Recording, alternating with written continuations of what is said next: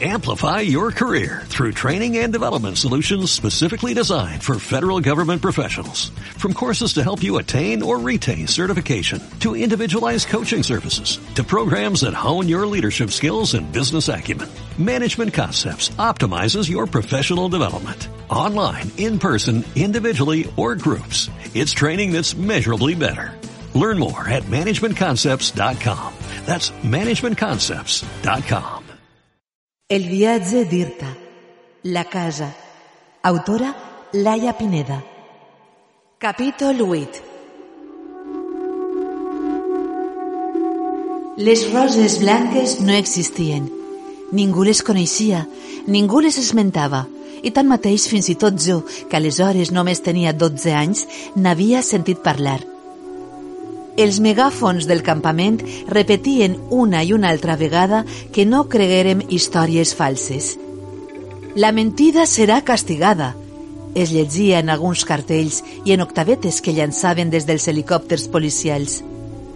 Però com distingir-la si totes les paraules dolentes que m'havien ensenyat a l'escola, mentida, violència, robatori, havien acabat sent usades contra la meua família, contra mi, contra tots els que simplement volíem, per exemple, passejar o dur-nos una mica de menjar a la boca.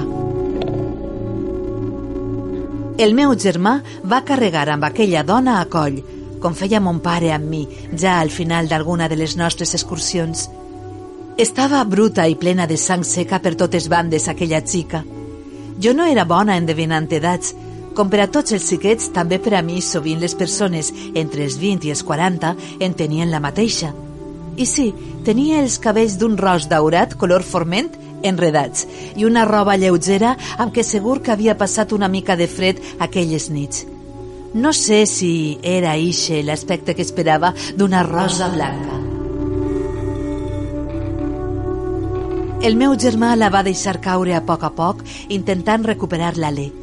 Vaig adonar-me que tenia el turmell deformat. Va casar-me mirant-la i em va fer una mica de por. Hi havia en ella un rastre salvatge que pot ser també nosaltres començàvem a cultivar. Va veure com sobresortia una cantimplora de la motxilla. Vaig apropar-m'hi i li la vaig oferir. Quasi me l'arranca de les mans i em va veure assedegada, pràcticament sense respirar. Tenia la pell molt bronzejada i, com la meua, algunes clapes havien començat a saltar. Al coll duia un penjoll de fil de palomar que travessava una pedra blanca. Diu que va caure al barranc fa tres dies, em va explicar el meu germà una mica recuperat. La mirava d'en peus, amb duresa, amb els braços en ansa. I jo li he dit que et deu la vida i que si et toca un pèl morirà i que sa casa ara és la nostra casa, que ella és una convidada. Com et dius? Li vas preguntar prenent-li la cantimplora quasi buida. Ens va mirar els dos, potser amb desconfiança, però no amb por. Aitana, va dir. Una llum em va il·luminar. Jo em dic Irta, vaig respondre feliç. Ella va assentir i fins i tot vaig intuir un somriure els noms de Serralada només els tenim les millors. És així. I aleshores sí que el somriure hi va aparèixer per un instant de manera clara, tot just abans d'apartar la mirada i sospirar alleujada, o pot ser exhausta. No, no, no li fèiem gens de por.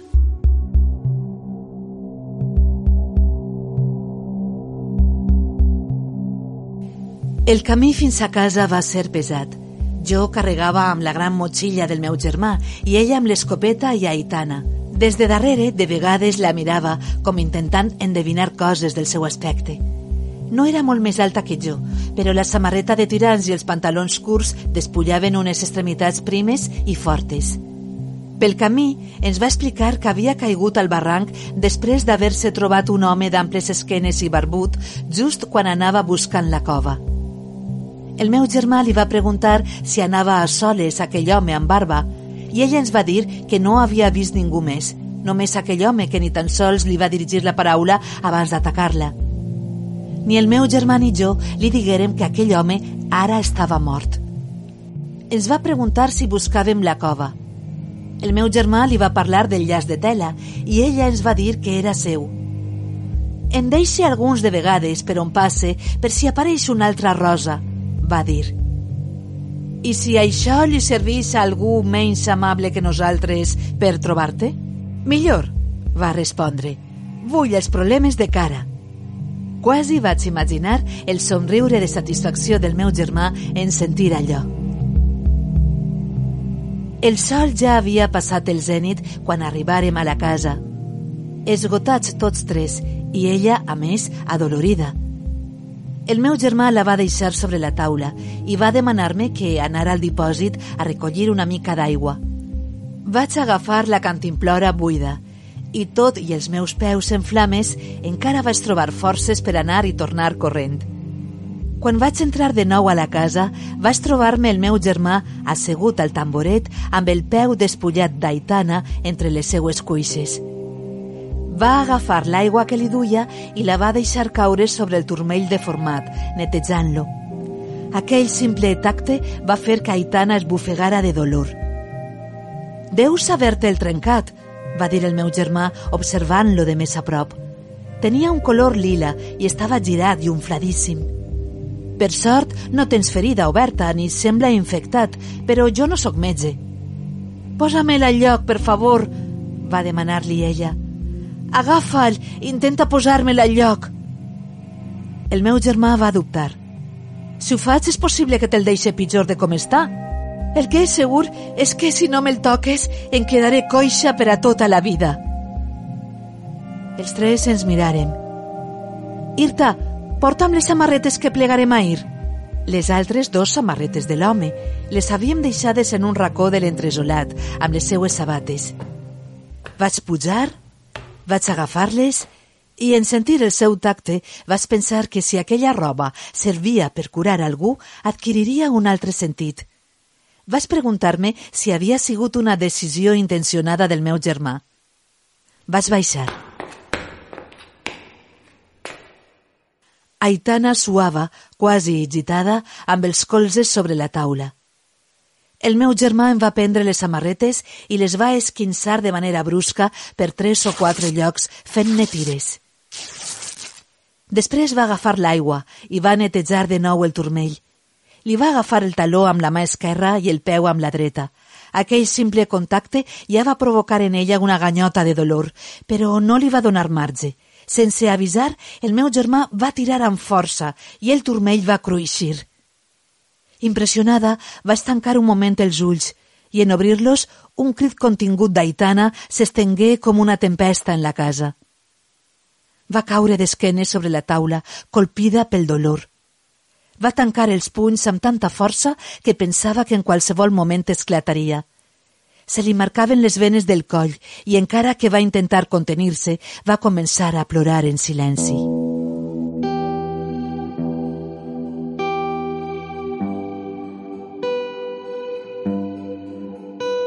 El meu germà li va revisar el peu, que en efecte havia quedat una mica més alineat amb la cama però a cada contacte els gestos i els crits ofegats d'Aitana tornaven a omplir-ho tot i les llàgrimes li queien per la cara com les d'una xiqueta.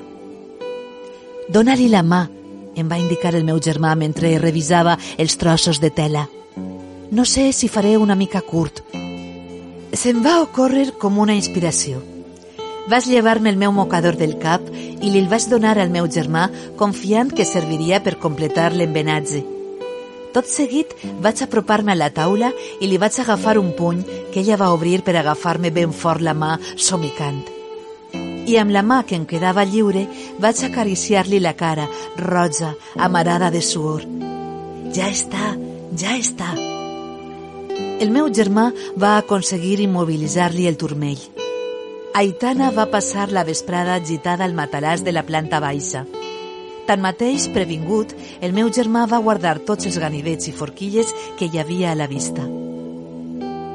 Si no puc caminar, de què tens por? Es va estranyar ella derrotada i sorneguera a parts iguals.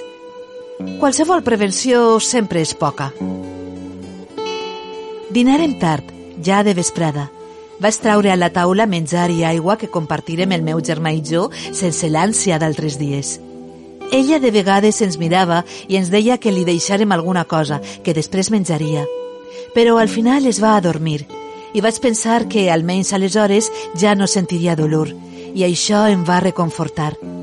Vore el meu mocador embolicat al seu peu em produïa un cert orgull. Em queia bé, la Aitana.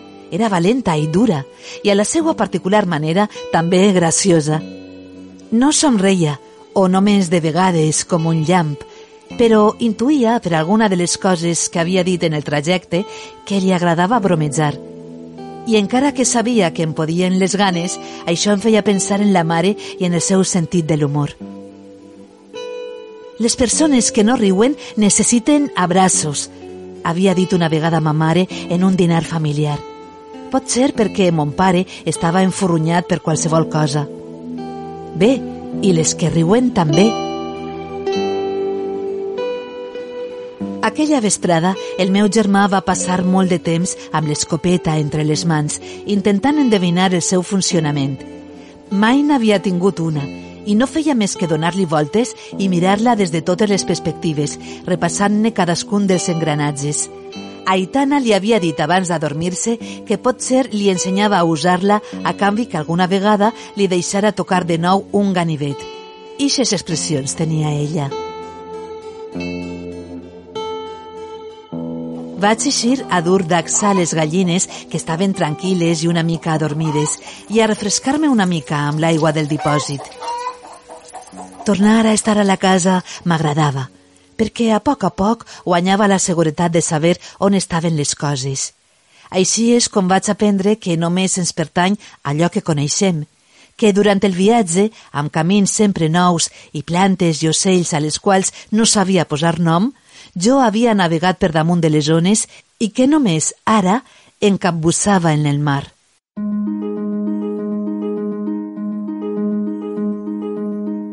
Amb el sol en declivi vaig seure al costat de la porta, al terra, amb la meua llibreta, mirant de nou els dibuixos del meu germà i rellegint la meua lletra. Continuava sense acabar de trobar-me del tot bé, però no era per la caiguda, Sentia alguna punxada al ventre i em feia una mica de mal el cap, però no volia dir res perquè ningú no es preocupara. El meu germà va eixir a trobar-me, encara amb l'escopeta, i va somriure en veure'm. Algun dia haurem d'aconseguir-te un altre llibre, va dir. Jo vaig arronsar els muscles fingint indiferència. No cal, li vaig respondre. Les nostres aventures són més interessants. En realitat, hauria caminat quilòmetres per aconseguir una altra història del 5, però qui sap cap a on hauria d'haver anat. Tu podries escriure la nostra aventura, va insistir. Se't dona bé, ho faries molt bé. Potser Aitana té també paper, no li ho han preguntat. El meu germà va fer una ganyota mirant el bosc i després d'uns instants em va tornar a mirar. No t'equivoques amb ella, em va advertir. Estigues atenta, no és la nostra amiga, no la coneixem, no és ningú. Aquelles paraules em van molestar i vas sentir tristor i de nou una mica de ràbia contra el meu germà per dir-me-les directament. Doncs, eh, per a no ser ningú, ves que acord. Va dir Aitana aleshores des de dins de la casa. Em va fer gràcia i vaig riure. Es va obrir la porta i em va eixir amb petits salts a peu coix. Us estic sentint tot, va afegir. La pròxima vegada que parleu de mi, si voleu que no us escolte, feu el favor d'anar almenys al darrere, amb les gallines, encara que elles després m'ho conten tot. I em va mirar i em va fer l'ullet. Tinc fam, molta fam. Vàrem sopar aviat, encara amb llum del dia. Aitana va proposar de traure la taula i fer-ho a l'aire lliure. A mi em va entusiasmar la idea i el meu germà va haver d'acceptar a contracor. Ella no es podia moure, però ens va explicar on tenia tots els que viures i el que es podria cuinar. Teníem tres ous de les gallines i vam fer-los remenats en una paella vella i neta que conservava. Continuava seriosa, però li notava que estava contenta de tenir per fi una companyia. Almenys ara el segon matalàs tindrà una utilitat, va dir. Potser era a vosaltres a qui estava esperant. Ja a la taula ens va explicar per damunt la història de la casa. Havia sigut del seu iaio, que era de la comarca, poc més que un refugi de camp en origen, i que ella mateixa amb son pare la va ampliar i habilitar poc abans del gran canvi. No sabíem què passaria, però estàvem convençuts que res de bo. I quan tot feia mala olor, em varen fer venir ací, allunyada de la senda, abans que no vingueren a dur-me a un campament. Ens va explicar. Ells ja són majors i ma mare està malalta, o estava, i ni tan sols sé on són ara. I va ser així que et feres una rosa blanca? Vaig atrevir-me a preguntar. Ella va mirar-se el penjoll i va mostrar-me un moment la pedra. No saps que les roses blanques no existim? Som com el ferrocarril subterrani o Nova Nurem, un mite, històries per donar esperança als qui ho han perdut tot. Vaig veure que al meu germà se li va girar l'expressió – i jo no sabia què era veritat i què mentida, si estava parlant seriosament o si la pedra blanca que guardava com un tresor a la butxaca tenia en realitat algun valor. I què és el que feu? Va preguntar-li el meu germà una mica molest. Vull dir, vosaltres, les que no existiu? Ah, res especial. Simplement resistim. I això què vol dir? Vaig replicar jo. Això vol dir que no fan res, va tallar-me el meu germà. Només sobreviure, com nosaltres, com tots. Aitana no es va ofendre. Més aviat al contrari. Semblava a gust amb l'oportunitat d'explicar-se. Sí i no, respongué. Si existiren les roses blanques, imaginem que existiren, va dir mirant-me. No serien persones diferents a nosaltres, a vosaltres, a mi, no. En això té raó el teu germà. Una rosa blanca, si existira, seria qualsevol persona que sap que viu una injustícia i que espera el moment idoni per corregir-la. I aleshores va girar-se cap al meu germà. Perquè resistir no és només sobreviure. Resistir és sobreviure amb un objectiu. Que passe la tempesta i tornar a la vida despreocupada que tenies abans, per exemple, o millorar-la perquè era una merda i només ara ho veus, o millorar també la dels altres, perquè quin sentit té viure bé si ho fas a soles? O fer justícia? També hi ha gent que vol sobreviure per poder fer justícia. Es va agafar de nou la pedra blanca del penjoll i la va palpar. Per a simplement sobreviure ja estan els animals que ho fan per instint. I quan arribaria aquest suposat moment idoni segons tu?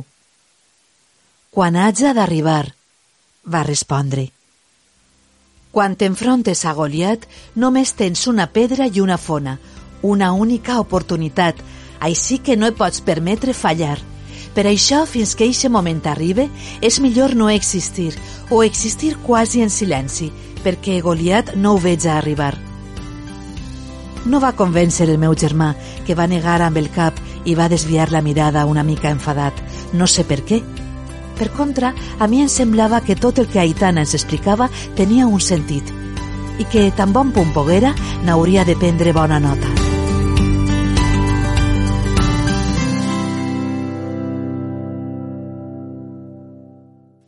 El viatge d'Irta. La casa. Escrit per Laia Pineda. Disponible en Amazon en laiapineda.net